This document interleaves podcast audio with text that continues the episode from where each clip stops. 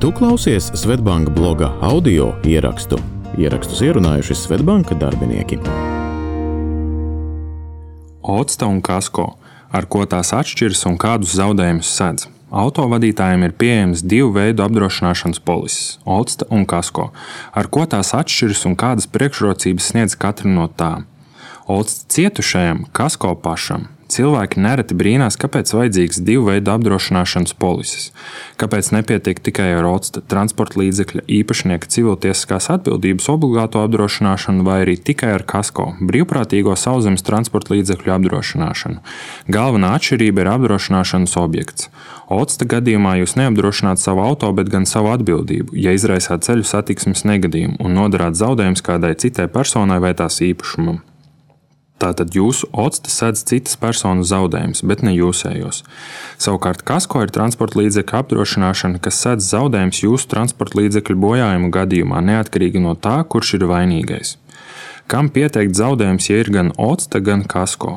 Iedomāsimies ceļu satiksmes negadījumu. Jūs nobremzējat pie gājēju pārējais, bet aizmugurē braucošās automašīnas vadītājs aizrāvies ar sociālo tīklu studēšanu, nepagūst nobremzēt.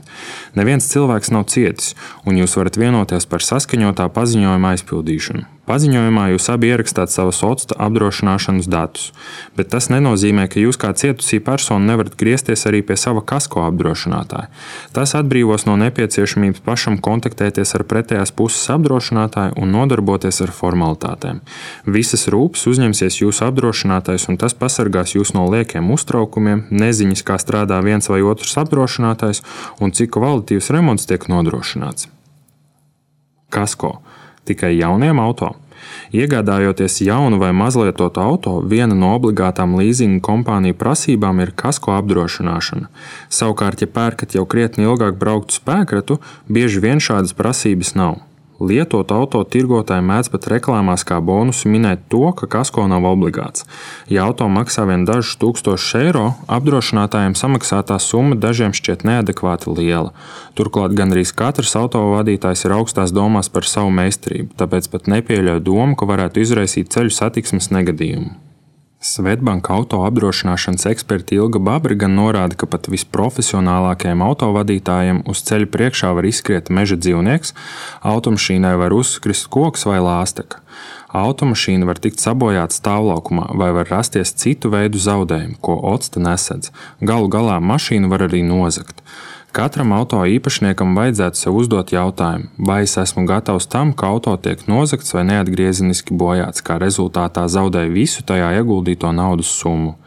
Lietot auto īpašniekam šis zaudējums proporcionāli ir tikpat nozīmīgs vai pat vēl lielāks nekā dārga un ekskluzīva spēkrata saimniekam. Mēs varam būt izcili autovadītāji, bet mēs nevaram kontrolēt apkārt notiekošo, uzskata eksperti. Pirms pirkt, iepazīsti savu kasko. Atšķirībā no OCTA, kuras nosacījumi paredzēti likumā, kasko līguma nosacījumi dažādiem apdrošinātājiem atšķiras. Tas savukārt nozīmē, ka slēdzot kasko līgumu, ir rūpīgi jāiepazīstas ar līguma noteikumiem. Pamatā ir divu veidu kasko polises - visu risku polise un nosaukto risku polise. Visu risku apdrošināšana nozīmē to, ka apdrošināšanas gadījums ir jebkurš negadījums ar auto, izņemot tās situācijas, kas līguma noteikumos norādītas kā izņēmumi. Piemēram, ja bērns uz balta ādas sēdekļa izgāž tintas pudeli un polisē nav paredzēts šāds izņēmuma gadījums, sēdekļa remonta izmaksas seks apdrošinātājs. Savukārt, ja esat iegādājušies polisi, kur apdrošina konkrētus riskus, visticamāk šajā gadījumā paliksiet bešā, ja vien nebūsiet paredzējuši un vienojušies par tik specifisku gadījumu gadījumu iekļaušanu risku sarakstā. Tāpat gandrīz visi apdrošinātāji piedāvā palīdzību uz ceļa bet tajā iekļautais pakalpojumu klāsts un apjoms ir ļoti dažāds. Vieni atbrauks un palīdzēs praktiski jebkurā situācijā, citiem ir definēts salīdzinoši šaurs un limitēts pakalpojumu grozs. Protams, neviens nevēlas ārkārtas situācijā pētīt polisi, lai saprastu, vai šī problēma ir tajā paredzēta vai nav. Tas ir jāizdara slēdzot līgumu. Vēl viens faktors, kas jāņem vērā, ir apdrošinājuma summa. Ja jūsu līgumā ir ierakstīts, ka, piemēram, zādzības gadījumā saņemsiet atlīdzību automašīnas tirgus vērtības apjomā, rēķinieties, ka izbraucot no autosalona jūsu izmantojama auto tirgus vērtība jau ir būtiski samazinājusies. Iegādājoties jaunu automašīnu, drošāk ir izvēlēties polisi, kurā paredzēta jaunvērtības apdrošināšana. Tas nozīmē, ka arī tad, ja auto pēc pusgada nozags vai tiks neatgriezniski sabojāts, jūs saņemsiet summu, par kādu to iegādājāties.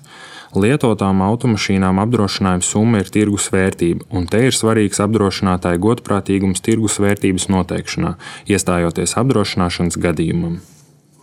No kā atkarīga polises cena? Kasko gadījumā būtisks polises cenu ietekmējošs faktors ir automašīnas vērtība. Saprotams, ka jauna un dārga auto remonta izmaksas būs augstākas, attiecīgi arī polise maksās dārgāk. Tāpat būtisks aspekts ir autovadītāja apdrošināšanas gadījuma vēsture. Autovadītājiem, kam regulāri notiek kādas likstas ar auto, polise maksās dārgāk, bet, ja ilgus gadus brauksiet bez negadījumiem, lētāk. Otsta gadījumā polises cenu galvenokārt noteiks auto īpašnieka apdrošināšanas gadījuma vēsture un arī vieta, kur ir reģistrēta automašīna. Laukos, kur satiksmes intensitāte ir zemāka, iespējamība nodarīt zaudējumus citai personai ir mazāka. Līdz ar to tas atsaucas arī uz polises cenu.